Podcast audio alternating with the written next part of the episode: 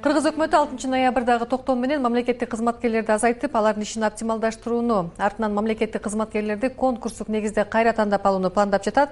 Буга чейинки өкмөттөр дагы оптималдаштыруу идеяларын көтөрүп бирок иш жүзүндө өзгөрүүлөр дээрлик болгон эмес. Бул жолку демилгендин артыкчылыгы эмнеде эфирде азаттыктын эксперттер талдайт программасы аны мен айзада касмалиева алып баруудамын. Алдыдагы мүнөттөрдө ушул жана башка суроолорго жооп издегенге аракет кылабыз. Студиянын бүгүнкү конокторун тааныштырып өтөйүн. Өкмөттүн аппарат башчысы бакыт аманбаев саясаттануучу эмил жороев жогорку кеңештин депутаты жанарбек акаев жана оштон биз менен түз байланышта жарандык активист гүлгакы мамасалиева катышмакчы. Саламатсыздарбы? Студиябызга кош келипсиздер алгачкы суроомду бакыт мырза сизден баштасам өзүңүздөргө белгилүү болгондой эки миң он сегизинчи жылы ошол учурдагы өкмөт башчы мухаммедкалый атка минерлер бир миң беш жүз отуз бир адамга кемий тургандыгын айткан эле. Мамлекеттик кызматтагы адамдарды он пайызга азайтууга мурдагы өкмөт башчы сапар исаков дагы аракет кылганын билебиз. Бирок өкмөттүн иши андан кийин деле жакшырып кеткен эмес. Сиздердин азыркы демилгендин артыкчылыгы мурункулардан айырмасы эмнеде мына кыргызстан өз эгемендүүлүгүн алганына мына отуз жыл болду отуз жылда отуз жолу өкмөт алмашты бир эле дегенде. Бирок кыргызстан эң жакыр өлкөгө айланды. Дүйнөлүк тажрыйбаны карасак отуз жылда эң жакыр өлкөдөн тескерисинче эң өнүккөн өлкөгө айланып кеткен э, учурларды көрүп атабыз. Эмне үчүн? Анткени себеби мамлекеттик машина э, эффективдүү натыйжалуу иштебей жатат аны натыйжалуу иштетиштин үч жолу бар. Биринчи сөзсүз түрдө сөзсүз түрдө. Э, мындай жалпысын айтканда системалуу реформа керек. Конституциялык реформа керек. Жоопкерчиликтүү бийлик системасын түзүшүбүз керек. Жоопкерчиликтүү кайталап айтам жоопкерчиликтүү бийлик системасы түзүлүш керек. Бул биринчиси. Экинчи аткаруу бийлигине оптималдаштыруу реформалоо зарыл. Машинаны биз натыйжалуу иштегенге жетишишибиз керек. Үчүнчү административдик реформа керек. Мына жаңы бийлик келди э, элдин келечегине мамлекеттин келечегине жооп берем деп жоопкерчиликти алды. Мына ушул максатка жетиш үчүн биз дароо мына үч багыттагы реформа башталды. Баштап э, мына оптималдаштыруу реформалоо боюнча э, комиссия түзүлдү. Э, өкмөт башчы садыр нуркожоевичтин ошол мезгилдеги жүз элүү биринчи буйругунун негизинде. Ведомстволор аладык комиссия түзүлдү. Э, э, комиссиянын биринчи отуруму өттү. Биз баардык мамлекеттик органдарга эки апта убакыт бердик. Өзүңүздөрдүн тармагыңыздарда э, анализдеп анализдеп. Жаңы оптималдаштырып өзгөртүү боюнча өзүңөрдүн түзүмүңөрдү функционалдык структуралык анализ кылып туруп өзүңөрдүн сунушуңарды бергиле деп. Ошол эле мезгилде эки аптанын ичинде башка сырттан эксперттерди таап таап тартып баардык тармактар боюнча э, өкмөт э, тарабынан бийлик структуралары тарабынан иштелип чыккан сунуштардын баардыгын алып көз карандысыз эксперттер менен экинчи жолу дагы бир жолу иштеп чыгып андан кийин акыркы вариантты биз өкмөткө сунуш кылабыз. Өкмөт башчыга ал жөнүндө дагы кеңирээк бул бул жерде эч кандай жанагындай он пайыз кыскарат экен жыйырма пайыз кыскарат экен же болбосо реструктуризация болуп туруп жумушсуз калат экен деген сөз жок. Биз болгону мамлекеттик машинаны эффективдүү натыйжалуу иштегенге жетишебиз деп туруп мына реформалар башталды. И буга биз баардык э, атууларды чакырып атабыз. Билимдүүлөрдү чакырып атабыз илимпоздорду чакырып атабыз жаштарды чакырып атабыз. Келгиле сындабагыла. Келип туруп мына ушул процесске катышып өзүңөрдүн сунушуңарды бергиле деп атабыз мунун эмнеси жаман? Бакыт мырза биз алдыда сүйлөшөбүз. Алар боюнча дагы өкмөт азыр ошол жыйырма сегиз миң мамлекеттик жана муниципалдык кызматкер бар экендигин алардын ошол айлык акысына жылына бюджеттен кырк сегиз миллиард э, сом корой тургандыгын айтып жатат азыр өкмөт алардын жанагы кыскартуу жөнүндө сөз болуп атпайбызбы эгерде оптималдаштырса кандай болот депчи? Эгерде ошондой ишти аракеттердин баары азыркы бакыт мырза айтып аткан ишке аша турган болсо өкмөттүн иши кадимкидей жакшырып калат деген ишеним болушу мүмкүнбү сизде? Оптималдаштыруу дегенди эмнени түшүнүп атабыз деген суроо биринчи коюш керек. Албетте азыр жалпысынан мүнөздөмө берип кетти бакыт мырза. Түшүнүктүү бул өзгөчө буга чейинки канчалаган премьер министрлер онунчу жылдан эле бери айтсак ошо бабанов келди сариев келди жана сапар исаковдун да дээрлик баардыгында эле ушундай оптималдаштыруу деген сөз колдонулуп келди да. Бирок көбүн эсе оптималдаштыруу деген ошол сапаты иштөө мүнөзү натыйжалуулугу эмес санына карап калды баланча э, процент азайтабыз же баланча сандагы жумушчуларды азайтабыз баланча акча үнөмдөйбүз деп. Эгер үнөмдөөнүн акча үнөмдөөнүн ыкмасы катары ошол э, мамлекеттик иштөөчүлөрдүн санын азайтабыз десек бул чынында бул туура эмес өтө э, чоң жаңылыштык болмок. Бирок азыр негизги маңызын айтып кеткенден кийин албетте эми оптималдаштыруу эгер туура түшүнүлгөн болсо албетте жакшы. Жалпысынан айтканда ошол мамлекеттик кызматты жакшыртабыз дегендин эмнеси жаман? Албетте жакшы.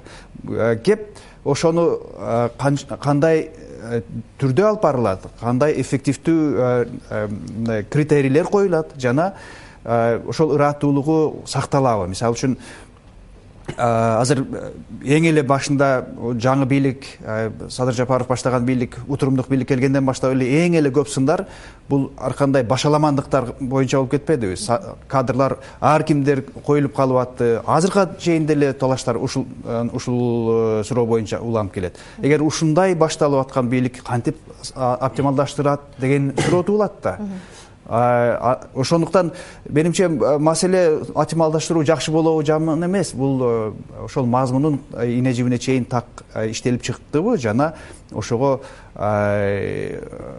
тиешелүү бир ресурстар интеллектуалдык болобу башка болобу агай айтып атат ошол баарысы даяр болдубу жана ошондон кийин анан алмаштырсак болот. Жана конституциялык түзүмгө байланышкандыгы же административдик территориалдык реформага байланышкандыгын албетте эми негизи мамлекет башкаруу дегенде баардык нерсе бири бирине чийленип байланышкан бирок ошол э, аны да бирок талдап талкуулоо менимче уюштуруу иштери кандай болуп атат деп сурап атпайсызбы мамлекеттик органдардын тутумун азыр эле айтылып кетти. Реформалоодо жанагы сунуштарды иштеп чыгуу боюнча мекеме аралык комиссия түзүлүптүр ал жыйырманчы ноябрга чейин ошол оптималдаштыруу боюнча план иштеп чыгып алардын сунушун ошол эксперттен түзүлгөн жумушчу топ карап чыгаар айтылганда жумушчу топту уюштуруу иштери боюнча сиздин кабарыңыз барбы жанар мырза мен дагы ошону бакыт мырза сизден сурайын дегем сиз баарын чакырып атабыз деп атпайсызбы деп атпайсызбы бирок биз э, чынында көргөн жокпуз. Бир дагы маалымат каражаттарынан келгиле бизге жардам бергиле бүт ушундай э, жаштар илимпоздор чет өлкөдөгү мыкты окуу жайды бүтүп келген э, атайын бир адистер бар да. Алар азыр таптакыр азыркы бийликтин табиятынан өзөгүнөн ары бөлүнүп калды. Кадимкидей мындай ажырым пайда болду. Эми чын эле эгерде бул популизм эмес куру кыйкырык эмес чын эле улуттуу реформа кылабыз десе бул жасай турган иштер бар. Бирин бири кайталаган органдар бар бакыт мырза жакшы билесиз. Мисалы э, маданият министринин алдында туризм департаменти бар. Ал замминистрдин мындай э, деңгээлинде. Бирок ошол эле убакта кыргыз туризм деп туруп өзүнчө гп мамлекеттик ишкана ачып койгон. Бюджети элүү миллион деп каралган азыр он миллиондой бөлүндү. Туризм департаменти турса кыргыз туризм деп дагы бир ишкананын эмне кереги бар? Ал жерде жылына элүү миллион бюджет ошол сыяктуу мурда туура эмес түзүлгөн бирин бири кайталаган органдар мамлекеттик кызматтар бар. Ошолорду э, жокко чыгарыш керек. Эми э, борбор азияда э, мамлекеттик кызматкерлердин саны эң аз салыштырмалуу. Элине салыштырмалуу бул кыргызстан. Ошол эле убакта айлык акысы дагы. Мындай эффективдүү реформалар болгон. Грузияда мисалы. Сандан сапатка өткөн. Миң сандаган полицияларды жумуштан алып туруп ордуна айлыгы жогору бирок күчтүү полиция кызматкерлерин алып келген. Бирок аны ким кылган? Аны э, саакашвили кылган.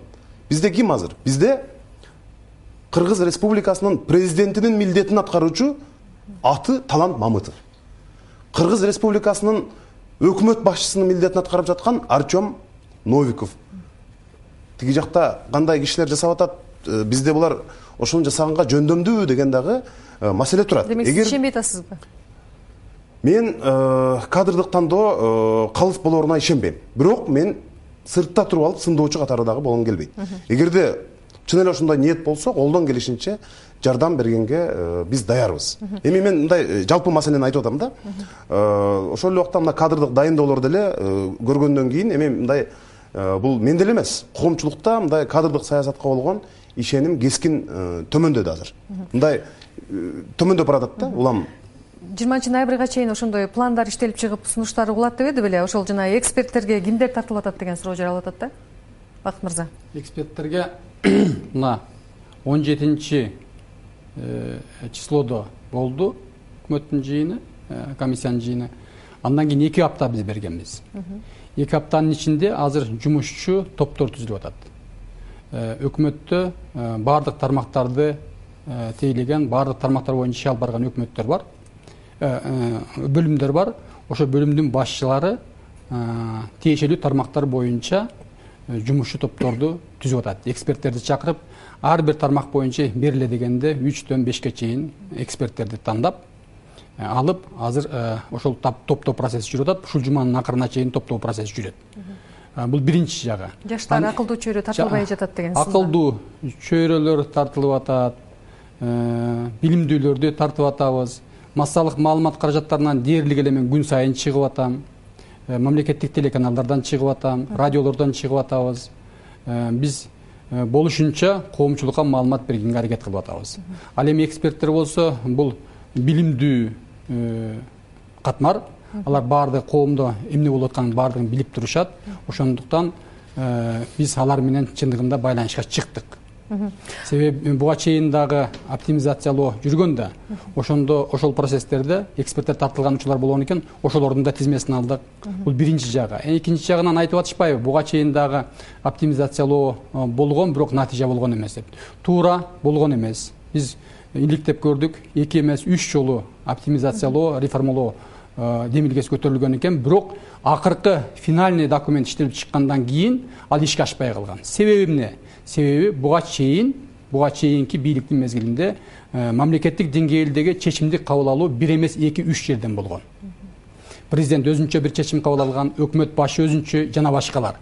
Ошондуктан бул талаштуу маселе болуп туруп биринин кызыкчылыгына кызыкчылыгы экинчи кызыкчылыгы экинчисинин кызыкчылыгына туура келбей калып маселе жана орусча айтканда долгий ящикка сакталып калган. Азыр эми андай болбойт буюрса азыр эми баардык билимдүүлөрдү чакырып атабыз. Мына экинчи эки этап менен талкуу жүрөт талкуунун жыйынтыгында биз чындыгында кыргызстандын мамлекеттик аткаруу бийлигинин системасын толук түрдө оптималдаштырып өзгөртүү боюнча биз бирдиктүү бир сунушту иштеп чыгып андан кийин кийин кийинки этабында жаңы өкмөттүн курамы ошого ылайык белгиленет деген биз максатты коюп гүлгакайымга суроо узатсам оштон гүлгакайым сиз бизди көрүп жатасыз да. Сиздер жергиликтүү бийлик өкүлдөрү менен иштетип жүрөсүздөр. Азыр жанагы сырттан ошол эксперттердин дагы ой пикирлерин угабыз деп өкмөт айтып атпайбы. Мисалы сиздер ошондой бир сунуш пикир берүүгө аракет жасап жатасыздарбы азыркы шартта? Бизге башка эксперттерге сунуш түшкөн болуш керек бирок жергиликтүү эксперттерге сунуш түшкөн жок мен э, оптималдаштырууну кандай э, көрөм да? Оптималдаштыруу бул эле сандык сандык эле жана бюджетке жана санга такабайт да. Бул деген сапатка такалат кандай деңгээлде кандай оптималдаштыруу болгондо жергиликтүү жана мамлекеттик кызматтарды жакшыртабыз деген суроо коюшубуз керек да. Ал үчүн биринчи этапта жанагы жер жерлерде анализ жүргүзүш керек. Кандай деңгээлде кандай кызматтарга муктаж эл мисалы үчүн кызматтардын инвентаризациясы болгон инвентаризация болуп кээ бирки кызматтарга э, неме суроо талап болбогон үчүн кыскартылган кээ бирки кызматтарды жаңы кызматтарды киргизгенбиз. Бирок ошол жаңы кызматтарды финансировательныйсы коюлган эмес да. Демек азыр э, кызматтар бар коюлган кызматтар. Бирок ага элдин алга элге маалымат жеткен эмес да. Ошол кызматтардын бар экенине маалымат жеткен эмес. Мисалы мына ггюп. Бекер э, юридикалык жардам. Бул кызмат а бирок аны эч ким билбейт демек оптималдаштыруу болгондо ошол маалыматты элге жеткизүү деген бир функционал пайда болуш керек да. То есть мындайча айтканда жаңы бир структура пайда болуш керек. Кандай дегенде элдерге ошол кызматтарды жеткизебиз. Же болбосо мына увз деп атабыз да. Э, неме мүмкүнчүлүгү чектелген балдардын мектепке болгон окууга болгон укугу бар. А бирок ошол мүмкүнчүлүктүү чектелген балдарды окууга барып окутканы э, механизмди койбой атат го жер жерлерде. То есть ошол демек оптималдаштыруунун методикасын бирге эксперттер менен иштеп чыгыш керек. Биринчиден элдер э, анализдешибиз керек. Кандай кызматтарга эл муктаж анан кийин кандай кызматтарды коюп беришибиз керек ошолордун механизмин э, иштеп чыгышыбыз керек анан кийин функционалды коюшубуз керек. Кайсы министерстводо кандай функционал пайда болуш керек? Анан кийин азыр бакыт мырза айткандай эки неделя силерге срок берем эки жума срок берем эки жуманын ичинде бизге сунуш кыл деген бул жок эле нерсе да. Бул жомок ал деген эксперттер менен э, тартылып бул деген бир эки ай иштелип чыгыш керек. То есть мындайча айтканда оптималдаштыруунун методикасы биринчиден бекитилиш керек эксперттер менен. Анын методикасы бекитилгенден кийин анан кийин ошол оптималдаштыруунун э, жыйынтыгын чыгарышыбыз керек. Жыйынтыгын жыйынтыгында эмнени алабыз деген нары жактагы максаттын этеги көрүнүктүү болуш керек да. Мисалга мен азыр көрбөй атам ал оптималдаштырууну отношениясын вообще максаты эмне түшүнүктүү э, бакыт мырза ушул сындар жүйөлүүбү шашылыш жүрүп атабы жараяндар? жүйөсүз сындар айтылып атат. Анткени себеби биз оптималдаштыруу боюнча э, э, буйрук чыкканга чейин эксперттерди чакырып методика иштеп чыкканбыз. Ал методиканы биз ошол жыйындын жүрүшүндө коомчулукка массалык маалымат каражаттарынын өкүлдөрүнө таратып бердик. Орусча кыргызча кылып кандай эмнеге көңүл бурулуш керек? Оптималдаштырууда. Э, кандай максатыбыз бар? И кандай жыйынтык болот деген. Тагыраак айтканда биз тиги точкага барышыбыз керек. Ошон үчүн кандай нерселерге көңүл бурулуш керек деген баардыгы иштелип чыккан. Билип билбей эле курулай сында айтканды токтотуш керек. Эгерде например Э, керек болсо келиңиздер биз ошол э, методиканы берелик. Анда бул биринчи жагы. аймактагы эксперттерге эмнеге маалымат жетпей атат да? Э, эми ал маалымат жетпесе кыргызстанда жети алты миллиондон ашуун калк бар да. Баардыгына жеткире албайт экенбиз да. Туура айтамбы он жетисинде мына биринчи отурум болду. Күндө массалык маалымат каражаттарына чыгып айтып атабыз. Биздин максатыбыз ушундай аябай жакшы максат койдук. Дүйнөлүк тажрыйбаларды эске алып туруп эме кылып атабыз деп экинчи жагын айтып коеюн. Айтып атпайбы эки аптанын ичинде шашылып бушулуп деп эки аптанын ичинде биз мамлекеттик структуралардын өздөрүнө гана биз э, э, тапшырма бердик. Алар өздөрүнүн структурасын билишет мисалы үчүн айыл чарба министрлиги өзүңүздөрдүн э, структураңызда функционалдык структуралык анализ кылып өзүңүздөрдүн сунушуңуздарды бергиле деп алар бизге биз ойлоп атабыз алар өзгөртүү боюнча олутту өзгөртүү боюнча сунуштарын бербеши мүмкүн. Бирок эки апта аларга жетиштүү. Жетиштүү толук жетиштүү. Ал эми эки аптанын ичинде биз биз башка сырттан эксперттерди таап тармактар боюнча жумуш топторду түзүп атабыз. А жумуш топтор түзүлүп бүткөндөн кийин алардын иши мүмкүн бир айга созулат. Зарыл болсо эки айга созобуз зарыл болсо үч айга созобуз. Эгерде ошондой зарыл болуп айтып атса биз мындай бир шашылып же шашылыш кылып бир бир срокто бүтөлү деген максат жок. Биздин максат мамлекеттик машинаны мамлекеттик машинаны жанагы олчоюп ордунан жыла албай баткакта отуруп калган машинаны кечирип коесуздар одоно болсо. Ошону алдыга жылдырып кетиш керек болуп турат. Ал үчүн сөзсүз түрдө жаңы аларды жаңыча оптималдаштырыш керек ал үчүн биринчи максатты коюп ошол максатка жетиш үчүн конкреттүү структуралар түзүш керек бизде. Монча монча гана министрлик керек. Бизге монча комитеттин кереги жок монча агенттиктин кызматтын кереги жок. Анын баардыгын бириктирип туруп бир максатка жетиш үчүн иштейлик деп туруп дүйнөлүк тажрыйбаны алып максатка алып кетип атабыз өкмөт эксперттер менен иштөө аракетин көрүп атабыз деп атат бирок аймактагы эксперттер кабарсыз болуп атабыз деп атпайбы эмне мындай дал келбей атат маалыматтар эмин мырза. Эми бир чети кичине таң калыштуу да анткени азыркы заманда эми кичине эле могу фейсбукка жазып койсо элдин баары кабыл алып калат экен. Өзүңүз да кабардарсыз ар нерседен. Мен издеп көрдүм. Чынында анткени мамлекеттин жаңы бийликтин эң негизги максаттарынын бири ушул болуп жарыяланып аткандан кийин жалпыга маалым жеткиликтүү маалымат болсо керек интернетте деп издеп көрдүм да таппадым андыктан азыр ошо гүлкак эженин суроосуна э, карай эле улай э, сурагым келип атты эле бакыт мырзадан. Ошо методикасын да сиз айтып атпайсызбы? Жанагы максатыбыз эмне жана кантип жетебиз? Ошол максат такталдыбы? Эмне тагыраак айтканда оптималдаштыруу саясатында ал максат эмнеден эмне менен аныкталат критерийлер аныкталдыбы? Мисалы үчүн ошол э, айыл чарба министрлигине эки жума убакыт берилгенде эмне деген тапшырма берилди? Кандай критерийлер менен алар могул департаментти кыскартабыз же бул жакты чоңойтуш керек же дагы эмне деген э, жоопторду бериши керек алар силерге? Анан үчүнчүсү дагы бир суроом бар. Баарысын булардын баарысын бул иштин баарысын координациялаган бир Э, эме борбор барбы же сизге жүктөп коюшту мунун баарысын аппаратка? Биринчи акыркы сурооңуздан баштайын бул иштин баардыгын координациялаган ведомстволор аралык комиссия бар. Ошол координациялайт. Бул биринчиси. Экинчиси максат боюнча ала турган болсок. Максат кыргызстанды мына ушундай туңгуюктан алып чыгып кетүү. Ал үчүн бизде ар бир өкмөттө билесиз ар бир өкмөттүн өзүнүн өлкөнү өнүктүрүү боюнча экономиканы көтөрүп кетүү боюнча өзүнүн планы болот. Биз ошол планды жарыялаганга мүмкүнчүлүк болгон жок. Революциядан кийин дароо келдик эми ошол планга жетиш үчүн биз мамлекеттик структуралардын баардыгын анализ кылып атабыз. Бизде конкреттүү пландар бар. Экономикалык тармагында. Кандай иштерди аткарабыз? Улуттук деңгээлдеги улуттук деңгээлдеги иш чаралар аткарылыш керек проекттер аткарылыш керек. Эң приоритеттүү направлениялар коюлат артыкчылык берилген. Ошого жетиш үчүн бизге кандай түзүмдөр керек өкмөттүн түзүмдөрү? Кандай структуралар керек? Ошолордун баардыгы бизге бар. Ошого жетиш үчүн биз дароо эле кыскартып э, э, жоюп эметпей биз анализден кылыш керек болуп турат. Анализ кылыш керек болуп турат. Тотальный кардиналдуу өзгөрүүгө барыш үчүн анализде. Анализдөөгө мына убакыт керек болуп атат эмне үчүн биз бул президенттик шайлоого чейин күтүшүбүз керек убакыт өтүп кетип атпайбы? мен э, суроомду тактап ошон үчүн ошондой максатка жетиш үчүн ошондой максатка жетиш үчүн. биз түзүмдү иштеп чыгыш үчүн мына ушундай иштерди башталды. Ал түшүнүктүү менин суроом түшүнүксүз болуп калды окшойт. Эми оптималдаштыруу деген саясаттын ошол максат оптималдаштыруу чечиминин максаты эмне деп атам да. Анткени экономикалык өнүгүү чечим боюнча албетте ал чоң бир программа жазылышы керек. Анан оптималдаштыруу деген туңгуюктан чыгып кетүү деген бул өтө жалпы сөз да. Бул конкреттүү оптималдаштыруу үчүн бир көрсөткүчтөр барбы?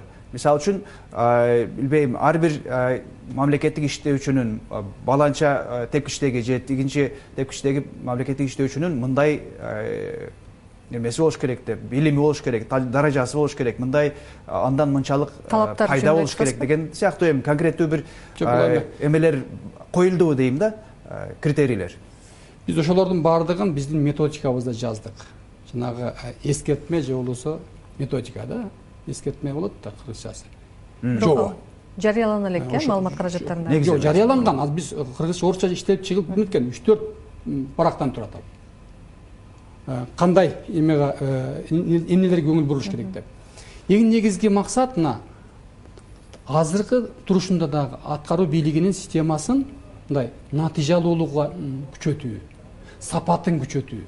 Мисалы үчүн өкмөттүн аппаратын алалык башканы албай эле туралык өкмөт мына өкмөт башчы э, э, өкмөттүн аппаратын жетектеп атпаймынбы эки жүз адам иштейт.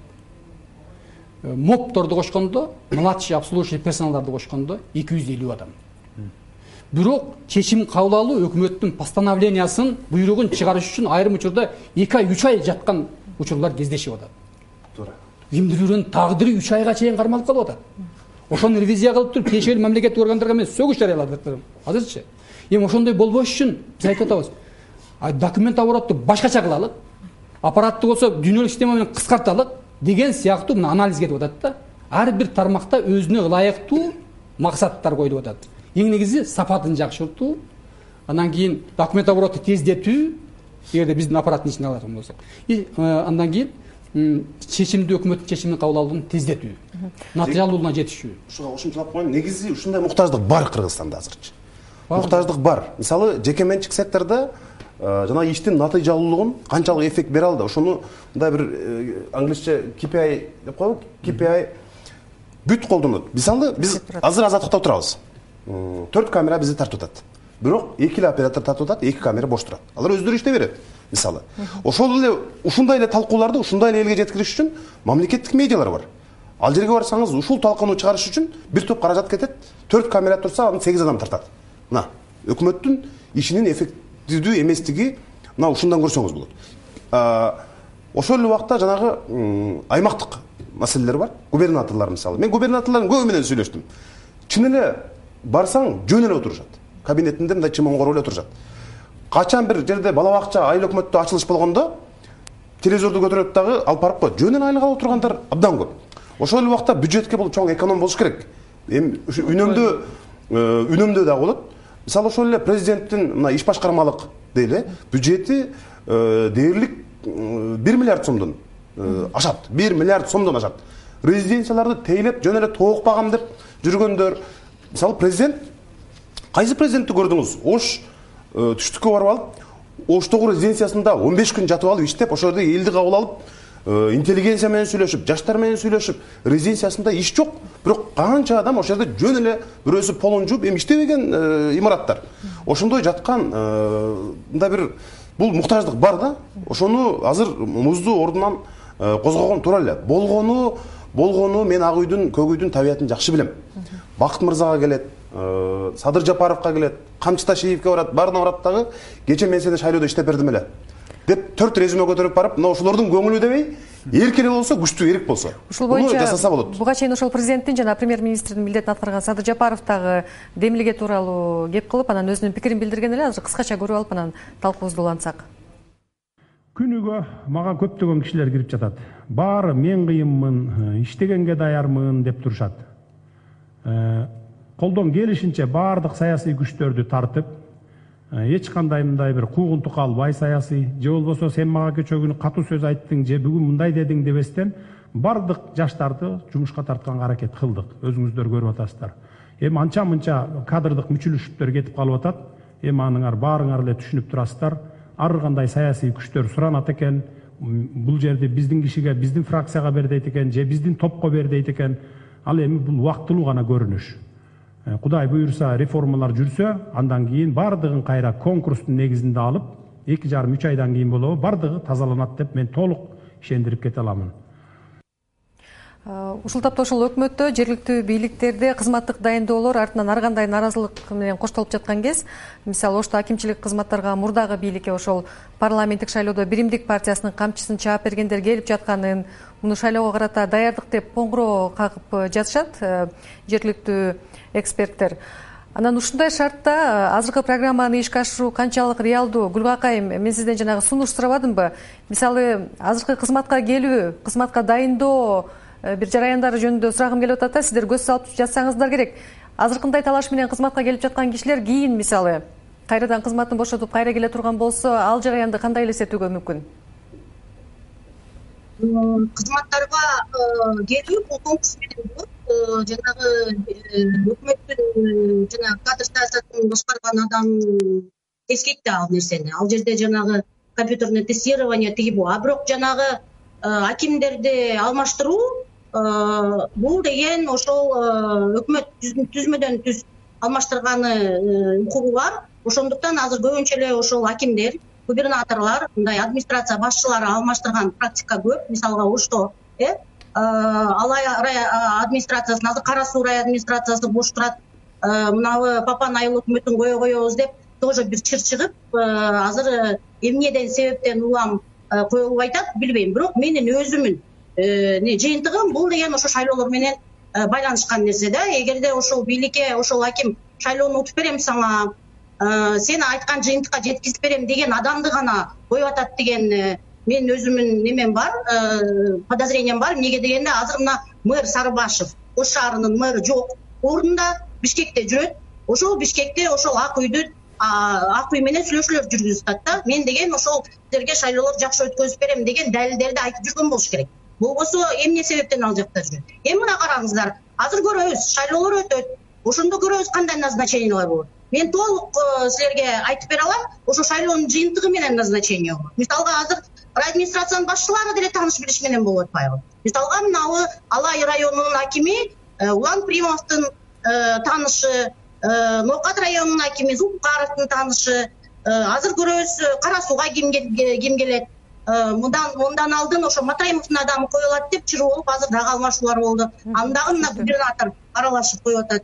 То есть мындайча айтканда ачык конкурс менен келген эч ким жок түшүнүктүү э, азыр эле биз садыр жапаровдун сөзүндө э, эки жарым эки үч айдын ичинде тазаланат деп айтып атпайбы. Эгерде ошол тазалануу жөнүндө сөз болуп атса анда азыркы дайындоолор жөнүндө эмне кеп кылуу керек мына садыр нуркожоевич да өзүнүн сөзүндө айтпадыбы кемчиликтер кетип атат деп чындыгында кетти. Бирок эми ошолордун баардыгы баягы шашылыш мезгилде кыйчалыш мезгилде болгон дайындоолор болду да. Бирок ошолордун баардыгын мына бир э, багытка салып э, пландуу алып барыш үчүн мына биз мына параллелдүү түрдө оптималдаштыруу реформалоо иши башталды. Мунун натыйжасында жаңы структуралар иштелип чыгыш керек. Эң акырында жаңы түзүмдөр иштелип чыгыш керек. Оптималдуу э, бирин бири кайталаган керексиз агенттиктер же болбосо башка түзүмдөр жоюлуш керек. Эң акырында баардык түзүмдө жаңы түзүмдөр иштелип чыгып туруп анан кийин конкурс жарыяланат анан билимдүүлөрдү алабыз деген максат бар. Эми ошого канчалык деңгээлде ошол максатка жетебиз? Мына азыр ошол процесстерди жүрүп атабыз. Эми биз бул процессти токтотуп койсок деле болмок. Президенттик шайлоодон кийин жасасак депчи. Бирок андай болгон жок. Азыр бизди мына убакыт талап кылып атат эл талап кылып атат. Күткөнгө убакытыбыз жок. Биз жасабай койгонго да акыбыз жок азырчы. Эл эл күтүп атат. Миңдеген көздөр карап турат дүйнө жүзү карап турат. Ошондуктан сөзсүз түрдө сөзсүз түрдө дүйнөлүк тажрыйбаны эске алып туруп биз системалуу өзгөрүштөрдү жасашыбыз керек. Ошолордун бири мына оптималдаштыруу реформалоо. Эми аны анча мынча катачылык кетип калган учурлар болот. Оңдогула пожалуйста. Албетте эми коомчулукка сунуштар ачыкпыз. Эшик ачык эми азыр мисалы үчүн айтып атасыздар анда оңдойбуз мисалы коомчулукка неме жетпей калып пикирлерди эске алуу менен. Бирок эми биз кадам жашап атабыз да алдыга жылып атабыз да уктаган жокпуз да. Мына он жетинчи он алтынчы октябрда биз мына ант бергенбиз. Мына бүгүн жыйырма төртү болуп атат. Мына бир айдан бир аз гана өттү эми бирок жылып атабыз го. Туура. Иштей элек комиссияга биз сын айта албайбыз чынында эми биринчи иштетип көрүш керек. Анан иштей элек мына түзүлө элек деле биз бул булар болбой калды дей албайбыз. Бирок менин кооптонгонум биз тобокелчиликтер жөнүндө сүйлөшүп атабыз ооба бакыт мырза мынау комиссиянын мүчөлөрү жанагы конституциялык кеңеш менен мүчөлөрүндөй болуп калбаш керек да бүт мына азыр күлкү болуп атпайбы мисалычы. Курамын карап алалы эле көбү жана жаңы үмүттөр жанагы ошондой курамды окуганда конституциялык кеңеш менен азыркы курамын окуганда мындай үстүнө муздак суу күйгендей болду да көпчүлүгүчү анткени алар азыр жаңы бийлик келди элдин колдоосуна ээ чынында карапайым адамдар колдоп атат үмүт абдан чоң да. Анан ошондо ой мындай болот деп атканда эле анан курамын карасаң эле жанагы турсунбек акун баштаган жанагы жүрбөйбү кошалиев тиги бөрүбаев караганда эле а биздин кыргызстандын келечегин ушулар чечеби ушуларга карматкан турбайбызбы? деп мындай бир абдан чоң таң калуу сезими болуп коомчулукта конституциялык кеңешме канакей курамы канакей дегичек эле дароо жарлык чыкты дагы анан дароо биз көрүп калбадыкпы? Отурганын ошол кеңешменичи чын эле анан комиссия дагы ошондой бир кырдаалда түзүлүп калбайбы деген кооптонууга сиз эмне деп жооп бересиз комиссиянын түзүлдү комиссиянын ишти алып баруусу башкача болуп атпайбы? Коомчулук менен болуп атпайбы? Биз мамлекеттик түзүмдөр да катышпайт өкмөт да катышпайт. Сырттан келген эксперттер алып барып атпайбы болгондо да тандалма. Баардык тармактарды мыкты билген тартип коргоо тармактарын мыкты билген эксперттерди мисалы сиз кимдерди атай аласыз? Кимдер жөнүндө сөз болуп атат кайсы күчтүү эксперт эми мен баардыгын эме тизмелеп атын айта албайм бирок биз ошого аракет кылып атабыз да. Мүмкүн. Болсо ушул жерден жана мырзанын сөзүн улай да. Сунуш катары анткени чындыгында мен деле бир чети макулмун баштала элек ишке сын айтуу өтө кыйын. Анткени жыйынтыгын көрбөй жатып эмне деп каршы боло алабыз. Оптималдаштыруу сонун максат. Муну кантип ишке ашырабыз деген маселе турат. Бир нече сунуштар бар да менде биринчи кезекте эң эле чоң маселе азыр бакыт мырза эң башында айта кетпедиби үч бөлүктөн турган реформалоо максатыбыз бар деп. Ошонун эң чоң эң каргашалуусу конституциялык реформа болуп атат. Эгер жана азыр өтө кысталыш кыйын убакытта экономикалык жагы башка жагын айтпай туруп ушундай кризис кезде баардык жакты ачып салган өтө мамлекеттин бийликтин өзүнө өтө чоң кыйынчылык туудуруп атат. Менимче мүмкүн болсо ошо мамлекеттик кызматты жакшыртуу оптималдаштыруу планын алдыга коюп конституциялык реформаны кейинге коюш керек болчу. Анткени азыр саясий капиталдын баарысы конституциялык реформага кетип оптималдаштыруу калып калып атат көңүл бурулбай калышы мүмкүн ошого жараша элдин көңүлү да алакты болуп бурулбай калып атат. Экинчиден оптималдаштыруу деген бул проект болбош керек. Бул деген үзүлтүксүз процесс. Эки айлыкта эмес эки жумалыкта эмес бул чоң процессти алып баруу үчүн бул сырттан чакырылган эксперттер же атайын комиссиялар же межведомственный комиссиялар кылбаш керек муну. Туруктуу бир орган жетектеп барыш керек аны сиз да болбошуңуз керек. Сиздин башка жумушуңуз болуп турат менимче мамлекеттик кадр кызматы деген бизде так ушул үчүн жасалган ачылган мекеме бар. Ошол жердеги дайындоого да мен бир аз таң калдым. Ушундай оптималдаштыруу деп атып ал даярдыгы жок.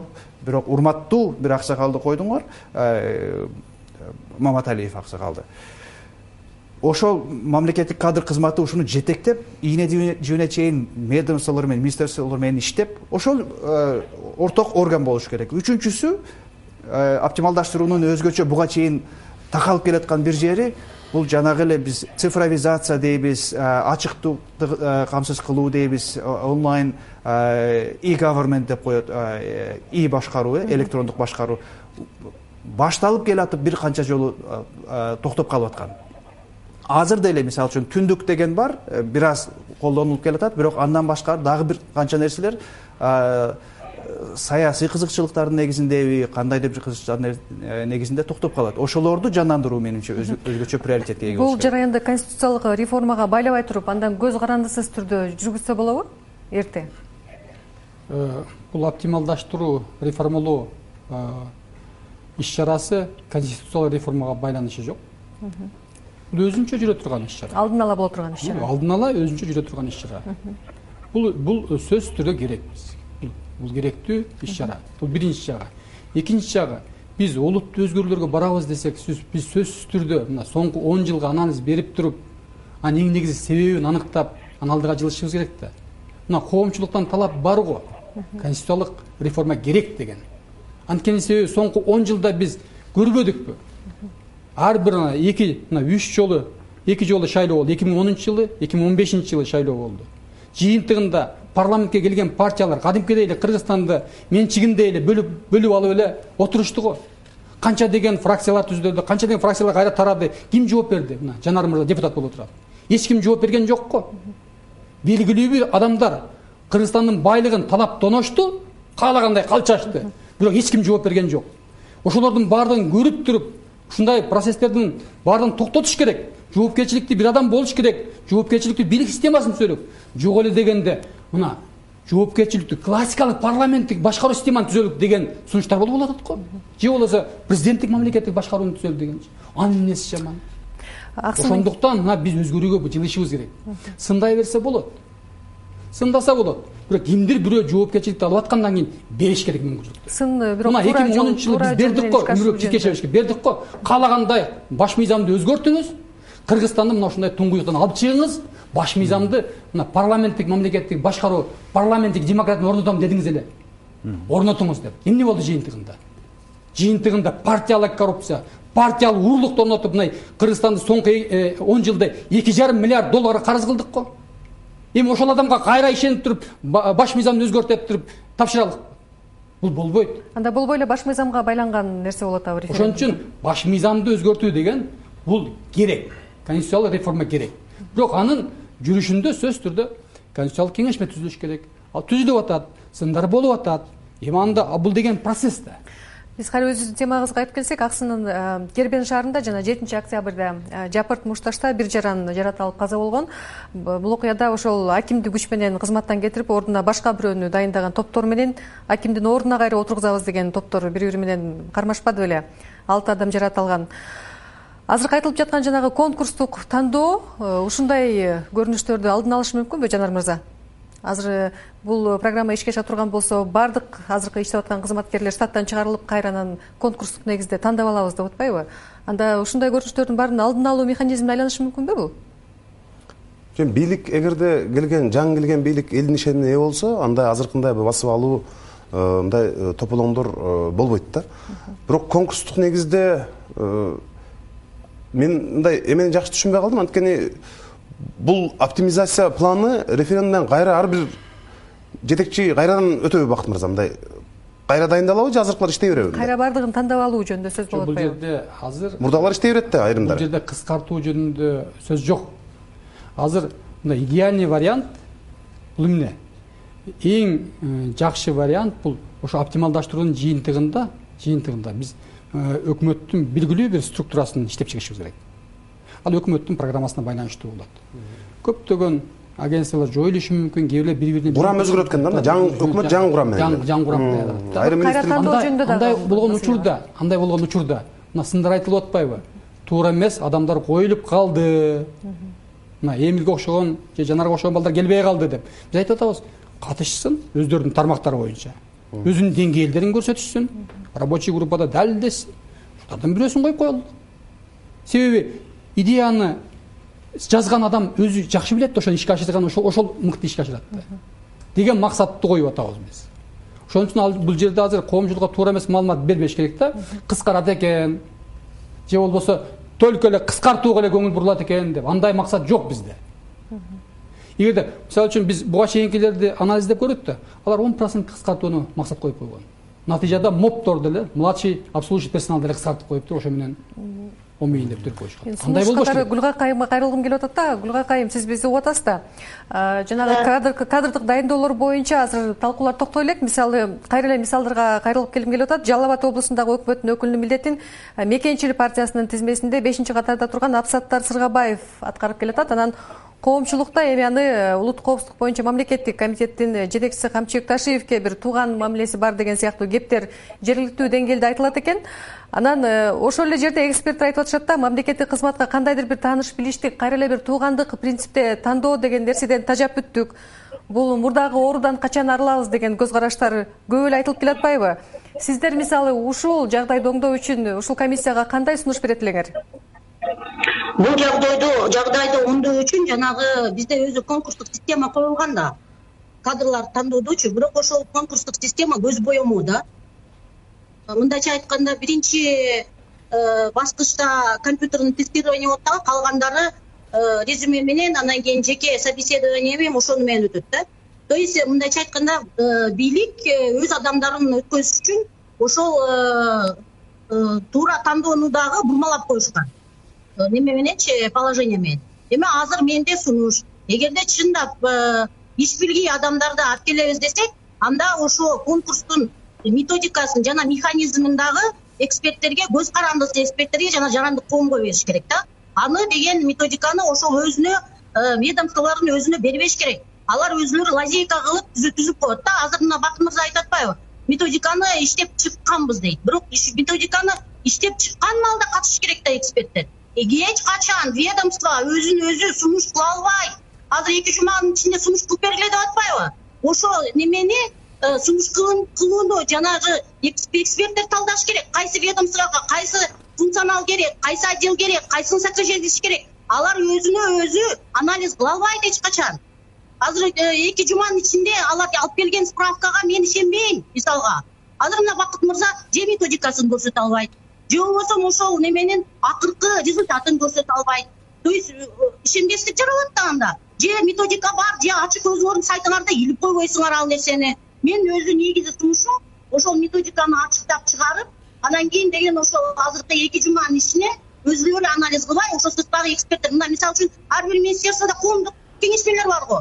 Эмне үчүн ошол коомдук кеңешмелерге ошолорду бербейсиңер? Общественный советтер бар ар бир министрликте мен менин сунушум ошолорду тартып ошолорду ошолорго карыш керек. Ал милдетти түшүнүктүү мен баягыдан бери англисче сүйлөгөн жокмун. Өзбекче сүйлөгөн жокмун. Кыргызча сүйлөп атам бирок дагы бир жолу кыргызча айтып коеюн. Так айтып коеюн. Гүлгак айым айтып атат. Кантип ошол мамлекеттик түзүмдөр структуралар жетекчилер өзгөртүү боюнча мыкты сунуштарын берсин деп. Мен да ошону айтып атпаймынбы алар бербейт бирок биз биринчи мүмкүнчүлүктү ошолорго берип атпайлыбы? Министрликтер өзүңөр өзүңөр жаңы министр келди го мына айыл чарба министрлигине. Жаш министр келди. Саламаттыкты сактоо министрлигине билим берүү министрлигине жана башка министрликтерге алар өздөрүнүн башында бир модели бар да ошо министрлер боюнчачы. Туурабы ошонуңарды көрөлүчү деп айтып атат. Бирок ишенбей атабыз бизчи. Ага мына гүлгак айымга дагы бир жолу айтып атам биз алардын э, чыныгы өзгөрүү өзгөртүү боюнча сунушун иштеп чыгаарына ишенип ишенбей турабыз. Алардан алабыз биринчи этапта. Эки аптанын ичинде. экинчи этапта көз карандысыз көз карандысыз эксперттер иштеп чыгат деп атпаймынбы талкуулап. Ал министрликке тиешеси жок. Ошол боюнча нанын таап жеген билимдүү адистер топтолуп алып туруп баягы министрликте иштеп чыккан э, сунуштардын баардыгын дагы бир жолу талкуулап канчалык деңгээлде э, туура сунуш. Деп аны өзгөртүп токсон процент токсон беш жүз пайыз өзгөрткөнгө да акылуу ошондой процесстер жүрүп атат деп атам. Бул биринчиси. Экинчи методика иштелип чыкты сайттан окуп алыңыз деп айтып атам. Муну дагычы элнур мырза. Эми ошентип айтып атсаң деле кайра эле сын айтып атканыңа мен таң калам да. Эми бул талкуу да коомго ташталган маселе анан талкуу жаратат даярдык талкууга чыкканда даярданып чыгыш керек. Курулай сынды айтпаш керек. Жанагы конкурс жөнүндө сөз болуп атпайбы эмил мырза? Азыр эле биз кызматтын даамы кандай таттуу экенин ошол жанагы талаш тартыштар көрсөтүп атпайбы э тирештер анан чын эле ошол жанагы конкурстук ыкма ушунун баарына бөгөт коюп башка бир системанын жаралышына э, себеп боло алабы. Мисалы эптеп азыр кызматка жетип алган атка минерлер кайра ошол конкурстук негизде кайра келесиң десе мисалы ошого ынанабы азыркы кезде азыр кызматтарды ээлеп отурган кишилер албетте э, андай кайрадан э, конкурстан өтүп кайрадан текшерилип келүүгө мүмкүн ынтызар эместир. Бирок э, бул да э, айта кетчү нерсе утурумдук ушул убакытта мамлекеттик башкаруунун эффективдүү эместигине эффективдүүлүгүнүн натыйжалуулугунун төмөндөшүнө алып келет анткени алар үстөлдүн учунда отурат да эртең менен кетип калат окшойм моундай саясат барса деп. Конкурстук негизде кабыл алуу бул бир нерсе. Бул комплекстүү иш чаралардын бир бөлүгү катары караш керек. Мисалы үчүн ошол эле меритократия деген түшүнүктө бул сөзсүз түрдө конкурс гана эмес бул жанагы эң төмөнкү баскычтан жетишкендиктерине жараша көтөрүп тарбиялап келүү деген мамлекеттик кызматчыны да. Бизде ошол маселе өтө чындыгында таалуу нерсе. Канчалаган кишилер майда барат мамлекеттик казынадан айлык алчу кишилер майда болсо да ошо тааныштарын тыгып койгонго аракет кылышат экен да. Мунун канчасын биз э, депутаттардын сүйлөшкөнүнөн билип жүрбөйбүзбү? Э, конкурстук э, вакансияларды толтуруу бир бир гана жана бөлүкчөсү деп түшүнүш керек. Анан бирок дагы сурооңузду бергенге чейин бир нерсени ойлоп аттым да бакыт ага айтып атканда конституциялык маселе боюнча конституция албетте маанилүү жана мамлекеттик бийликтин түзүлүшү өтө маанилүү. Бирок оптималдаштыруу дегенде биз өзгөчө могу бюрократияны жакшыртуу деген деп түшүнүшүбүз керек да. Башкаруу деген бул саясаттан бир аз дагы да башкача обочолонгон система эмеспи бул мисалы үчүн административдик территориалдык реформаны конституцияны өзгөртпөй туруп эле кылса болот. Мисалы үчүн азыр ошол жер жерлердеги мамлекеттик кызматты э, оптималдаштыруу үчүн биз үч э, төрт катмар эмени э, карап атпайбызбы эгер ошону оболу алмаштырып алсак анда ого бетер дайын болмок да эмнени дагы да эффективдүүрөөк кылсак болмок деген. Анткени азыр область деген деңгээлде биз көпчүлүктөр айтып атат бул саясий ыңгайлуулук үчүн гана сакталып турган нерсе бул шайлоо өткөрүп бергенге инструмент катары эле калып калган деп. Эгер ошондой болсо кичинекей мамлекет биз кырк районду түздөн түз шаардан э, бишкектен башкарып алуу ушунчалык кыйынбы дейсиң. Конституция боюнча мен текебаев маселе э, боюнча өтө көп айтып атышпайбы мен анын э, поклонниги да эмесмин өткөндө ошентип айтып кетти. Бирок ал текебаевдин конституциясы деп айтышат текебаевдики эмес мамлекет кыргызстандын конституциясы. Ал муну тебе бербешибиз керек аны тепселеп. Бирок текебаевдин бир чоң катачылыгы менимче атамбаев президент болуп келгенден кийин он үчүнчү он төртүнчү жылдары жана бабановду жыгытып өзү кийин айтып жүрдү. Ошентип атып конституциянын эффективдүүлүгүн конституциянын күчүн ошол киши ошондо оодарып берген. Конституция өзү иштеп кетмек ошондо. Андан аркы тарыхты эми баарыбыз билебиз. Атамбаев баарысын бүгүп алды өзүнүн кол астына. Конституция боюнча мындай да. Атамбаев өзгөртпөдү? Кийин кийинки конституцияны мына өзгөрттү. Элдин баары текебаев текебаев деп атат бирок андан кийин парламенттин колу менен атамбаев өзгөрттү. Мен азыр эстеп атам да ошондо атамбаев билесиз пресс конференция берип эгер ушул эле баш мыйзамды өзгөртсөк эле биз оңолобуз ишкерлерге бейиш болот көрөсүңөр деп айткан. Мына андан бери э, дээрлик төрт жыл өттү эч кандай эч нерсе болбоду азыр дагы э, биздин байкуш карапайым элибиз ушул документти ушул кагазды өзгөртсөк биз жыргайт экенбиз жашообуз башкача болот экен жоопкерчиликтүү система курулат экен оңолот экенбиз деп кадимкидей бир керемет бир орусча айтканда чудо күтүп атат эми кудай буюрса аман болсок ушул эле жерден ушул эле азаттыктын талкуусунан эки жылдан кийин көрүшөбүз. Башкы мыйзам өзгөргөндөн кийин чын эле олуттуу өзгөрүүлөр болуп коом элдин турмушу жакшырабы же андай болбойбу. Жакшырып кетсин дейли айрым ошол менин акыркы бул суроом болот окшойт. Кыскартуу жөнүндө сөз болуп атпайбы э баары бир анан ошол э, талдоочулар да кайра эле эксперттер айтып атышат да кыскартууну э, өкмөттүн жана ошол жылына бир жарым миллиард сом каражат короткон президенттин аппаратынан башташ керек. Мындан тышкары мамлекеттик кызматкерлерди жумушка тартууда аларга шарт түзүп айлыгын көтөрүү жагын чечип туруп анан ушул иштерди жылдырыш керек деген макулсузбу туура туура биздин максат ошого кетип атпайбы. Мен өзүм сөзүмдө айтпадымбы бул биринчи жагы. Экинчи жагы биздин айтып аткандын баардыгы азыр. Э, конституциялык реформа административдик реформа э, оптимизация бул мындай бир кыялдай сезилип атат. А чын чынына келгенде башка өлкөлөрдүн тарыхын карасак мына сингапурда бир миң тогуз жүз элүү тогузунчу жылы ли куан ю келгенде бийликке анын кыялын анын ойлогон ою кыял катары сезилген. Бирок ал ишке ашырганда ал чыныгы турмушка айланды. Ошон үчүн кимдир бирөө кыялданыш керек кимдир бирөө пландаш керек кимдир бирөө аракет кылыш керек ал үчүн жоопкерчиликтүү бийлик жоопкерчиликти алган бир топ келиш керек. Мына ушундай жоопкерчиликти алган топ эки миң онунчу жылы болгон бизде. Ошол эле сиз айткан саясатчыга мүмкүнчүлүк толук берилген конституциялык кеңеш менин жетекчиси болгон. Жетекчи деген сөз иштелип жаткан документке кандайдыр бир беренени кошуп койгонго дагы мүмкүнчүлүгү бар алып койгонго да мүмкүнчүлүгү бар. Ошон үчүн биз конституциянын атасы дейбиз. Ошон үчүн мына ошондой мүмкүнчүлүк берилген тилекке каршы ишке ашкан жок мен ошол жөнүндө сөз кылгым келет да. Ами эми азыр болсо мына жанар мырза айтып атпайбы эки жарым жылдан кийин көрөбүз деп. Буюрса эки жарым жылга жетпей көрөсүздөр. Жыйынтыгын. Болгону мүмкүнчүлүк берилиш керек жаштардын баардыгы бийликке тартылат. Билимдүүлөрдүн баардыгы бийликке тартылат. Себеби биз эгерде биз мына соңку беш жылда экономикабызды көтөрүп кыргызстанды мына ушундай туңгуюктан алып чыгып кетпесек мына коңшу өлкөлөрдүн таасири абдан күчөйт. Демек мына тажикстанды карабайсыздарбы кандай амбициялуу пландарды койду. Рахмон улуттук бюджетти эки эсеге көтөрөм деди. Азыр учурда тогуз миллиард доллар. Эгерде эки эсеге көтөрөм деп атат ошону жарым ишке ашырса он беш миллиард доллар кысылдырма катары айта сурай кетейин эмне деген? тажикстандыкындай саясий система курабыз деген оюңуз жоктурбу эми ал эми анын баардыгын коомчулук чечет да. Мына конституциялык кеңеш түзүлүп атат. Анын баардыгын коомчулук чечет бирок биздин максат бирок бир баштуу жоопкерчиликтүү бийлик системасы түзүш керек бакыт мырза. Классикалык. Классикалык парламенттик классикалык президент. Мына эми коомчулук чечсин сиз э, мен эми э, сиздей саясатта чоң тажрыйбам жок. Мен сизге кеңеш айта албайм. Бирок акыркы эки күндө. Мына силер азыр эки тизгин бир чылбырды колуңарга кармап тургансыз бийликти мына мамлекетти өлкөнү сиздер кармап турасыздар. Коомдо ар кандай э, ой жүгүрткөн адамдар бар.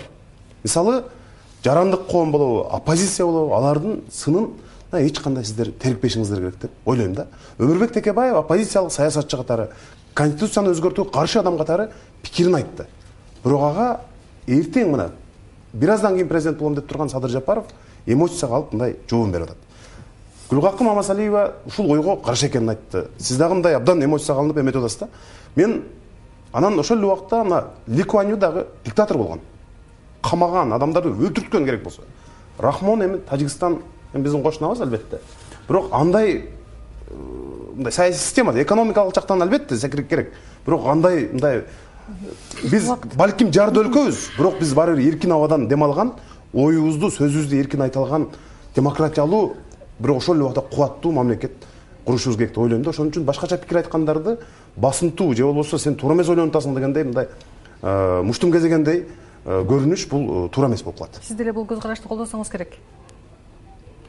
Чындыгында кыргызстанды өзгөртө турган мезгил келди деп ойлойм. Бул процесске баардыгы баардык жарандар тартылыш керек. Эми аны кандай кылып алып кетебиз? Бул боюнча мына демилгелер башталды. Эми муну акырына чыгарышыбыз керек. Чындыгында азыр эми мурдагы жарым кылым мурдагы мезгил менен салыштырып болбойт да. Азыр башкача заман. Ошон үчүн азыр эми э, реформалардын жыйынтыгы кандай болот? Аны азыр эми коомчулук тарабынан чечилет деп ойлойм. Бирок ниетибиз максатыбыз таза. Биз ошого жетишибиз керек. Бул жараянга координатор катары сиз э, иштеп жатпайсызбы? Демек негизги жоопкерчилик да сизге жүктөлүп атат да анда э? Бул оптималдаштыруу реформалоо маселесине мен ооба чоң рахмат биздин убакыт жыйынтыкталды биз бүгүн өкмөттүн оптимизациялоо жана анын ишин жакшыртуу жолдорун талкуулаганга аракет кылдык. Биздин программага өкмөттүн аппарат башчысы бакыт аманбаев саясаттануучу эмил жороев жогорку кеңештин депутаты жанарбек акаев жана ошто биз менен түзүү байланышта жарандык активист гүлгакы мамасалиева болду. Бүгүнкү эфирди мен айзада касмалиева алып бардым. Жакшы туруңуздар